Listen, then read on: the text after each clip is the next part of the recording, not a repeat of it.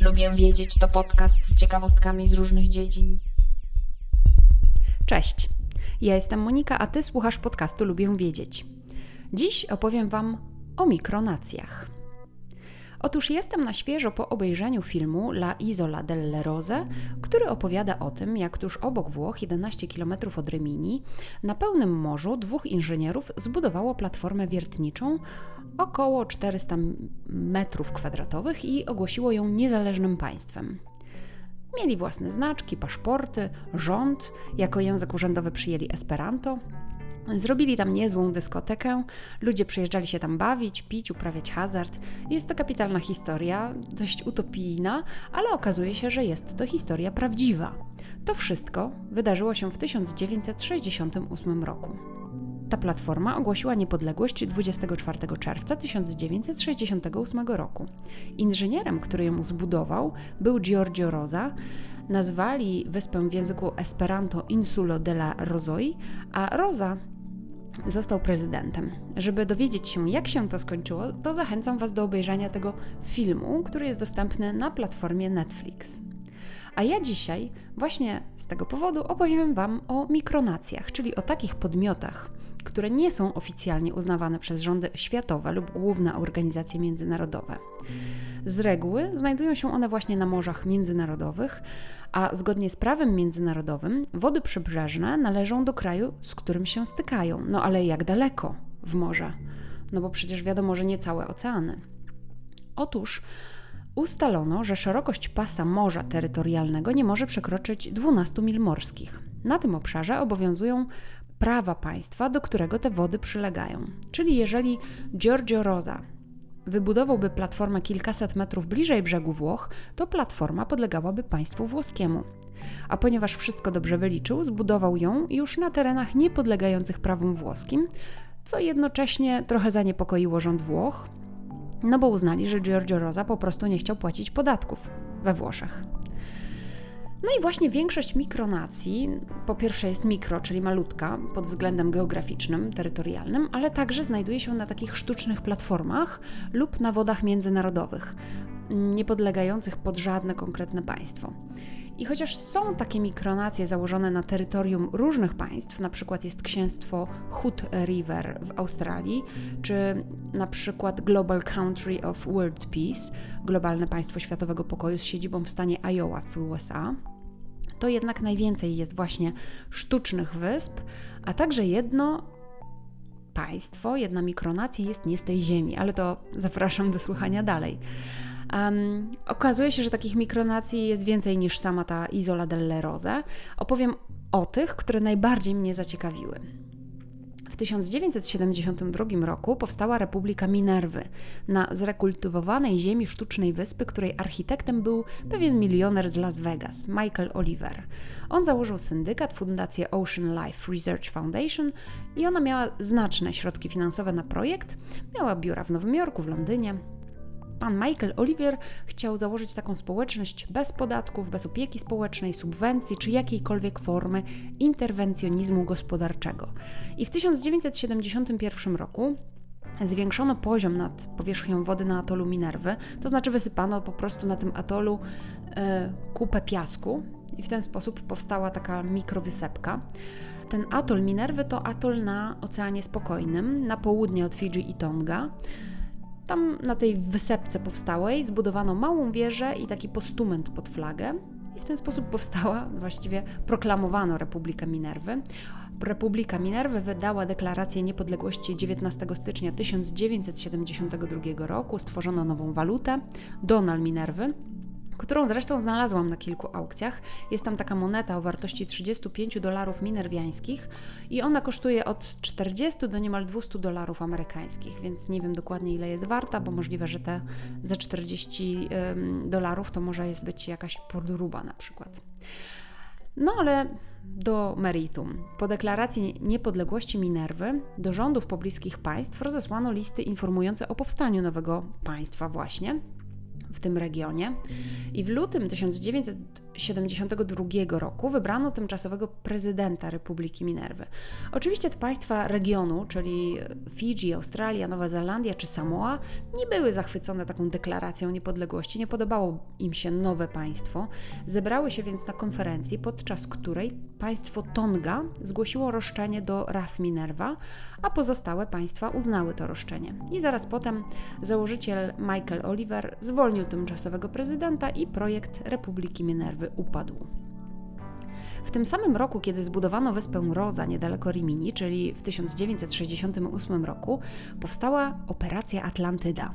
Był to projekt zapoczątkowany przez Wernera Stiefela, który miał na celu ustanowienie nowego narodu na wodach międzynarodowych.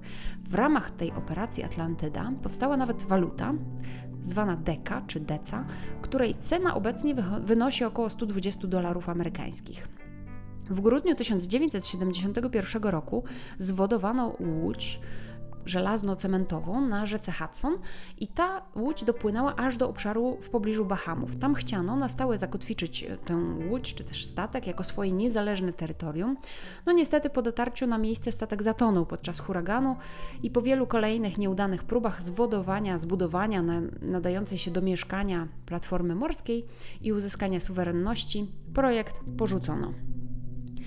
W Europie także mamy własną mikronację Principality of Sealand, znajdująca się na dawnej platformie przeciwlotniczej Fort Ruffs z czasów II wojny światowej. Platforma ma wymiary 40 metrów na 140 metrów i jest położona na Morzu Północnym, około 11 km od wybrzeża Harwich we wschodniej Anglii. Sealand powstał w 1967 roku kiedy ta opuszczona platforma została zajęta przez Roya Batesa, emerytowanego brytyjskiego oficera, który ogłosił się księciem. Bates był, okazuje się, nękany problemami podatkowymi w Wielkiej Brytanii, ponieważ w 1965 roku założył piracką stację radiową. No i nałożono nań grzywnę, e, nakazano zdemontowanie nadajnika radiowego. Wobec tego Bates zaczął szukać jakiegoś miejsca, gdzie mógłby takie radio założyć. No i sobie obrał takie właśnie miejsce jak Fort Ruffs, które znajdowało się wówczas na wodach międzynarodowych, a więc poza brytyjskim prawem, jednak na tyle blisko brytyjskiego wybrzeża, żeby bez większych problemów można było z niego nadawać audycje radiowe. W 1975 roku przyjęto konstytucję księstwa, Wprowadzono flagę, herb, hymn, wydawano paszporty. Jeszcze w 1972 roku wprowadzono walutę, dolary silandzkie, które Roy Bates zamówił w mennicy, a także znaczki pocztowe. W 1987 roku Wielka Brytania zwiększyła zasięg wód terytorialnych z 3 mil morskich do 12 mil morskich na podstawie nowego międzynarodowego prawa, czyli to nie tak, że sama Wielka Brytania tak o tym zdecydowała. No i to sprawiło, że Sealand znalazł się w zasięgu jurysdykcji Wielkiej Brytanii. W 1997 roku rodzina Batesów unieważniła wszystkie paszporty Sealand, ponieważ uświadomili sobie, że te paszporty były wykorzystywane do prania brudnych pieniędzy i handlu narkotykami. Obecnie Sealand nie jest oficjalnie uznawana przez żadne suwerenne państwo. Ta obowiązująca od 1994 roku 1994 roku Konwencja o prawie morza stanowi, że sztuczne wyspy, instalacje i konstrukcje nie mają statusu wysp, nie mają własnego morza terytorialnego, a ich obecność nie wpływa na wyznaczanie granic morza terytorialnego, wyłącznej strefy ekonomicznej czy szelfu kontynentalnego.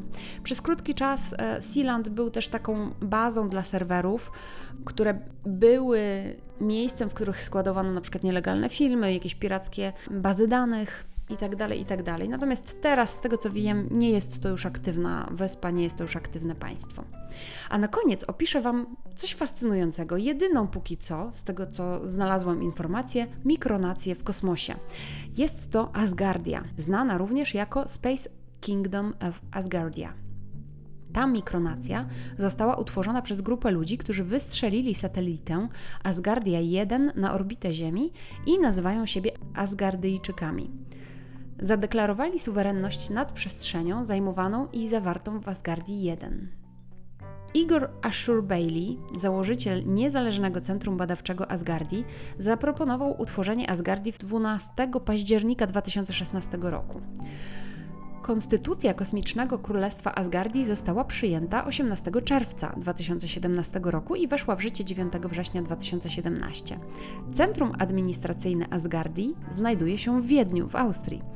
12 listopada 2017 roku statek kosmiczny Cygnus wyniósł Asgardię 1 w kosmos. Kosmiczne Królestwo Asgardii twierdzi, że jest teraz pierwszym krajem, które ma całe terytorium w kosmosie. Asgardczycy zamierzają uzyskać dostęp do przestrzeni kosmicznej wolnej od kontroli istniejących narodów i założyć stałą osadę na Księżycu do 2043 roku. Oczywiście na tej satelicie nikt nie żyje fizycznie, natomiast stanowi pewne terytorium takie wirtualne, które przyjmuje obywateli. Otóż jeszcze w 2016 roku zaproszono ludzi do rejestracji w celu uzyskania obywatelstwa, co miało umożliwić Asgardii wystąpienie do ONZ o uznanie jej za państwo narodowe. W mniej niż dwa dni nadeszło ponad 100 tysięcy wniosków, w ciągu trzech tygodni wpłynęło ich 500 tysięcy. Natomiast wprowadzono pewne ostrzejsze wymagania weryfikacyjne i ta liczba spadła. W marcu 2019 roku podobno Asgardia liczyła 290 tysięcy obywateli. Asgardia zamierza ubiegać się o członkowstwo w ONZ, a od 2019 roku Asgardia ma własną walutę, kryptowalutę Solar oraz, z tego co wiem, to walutę taką fizyczną Lunar. Ciekawa jestem, czy słyszeliście o czymś takim jak mikronacje, czy słyszeliście o Asgardii, a może chcecie zostać jej obywatelami. Dziękuję za wysłuchanie kolejnego odcinka podcastu Lubię Wiedzieć. Zachęcam do subskrypcji, do zaglądania do notatek każdego odcinka, bo tam zawsze zamieszczam linki do źródeł informacji. Zapraszam także na mój profil facebookowy lub instagramowy. W obu miejscach szukajcie hasła Lubię Wiedzieć. Tam zamieszczam dodatkowe nowinki. Jeśli chcecie posłuchać o książkach, które czytam, to zapraszam na mój drugi podcast Fiszkowa Kartoteka. Do usłyszenia. Cześć.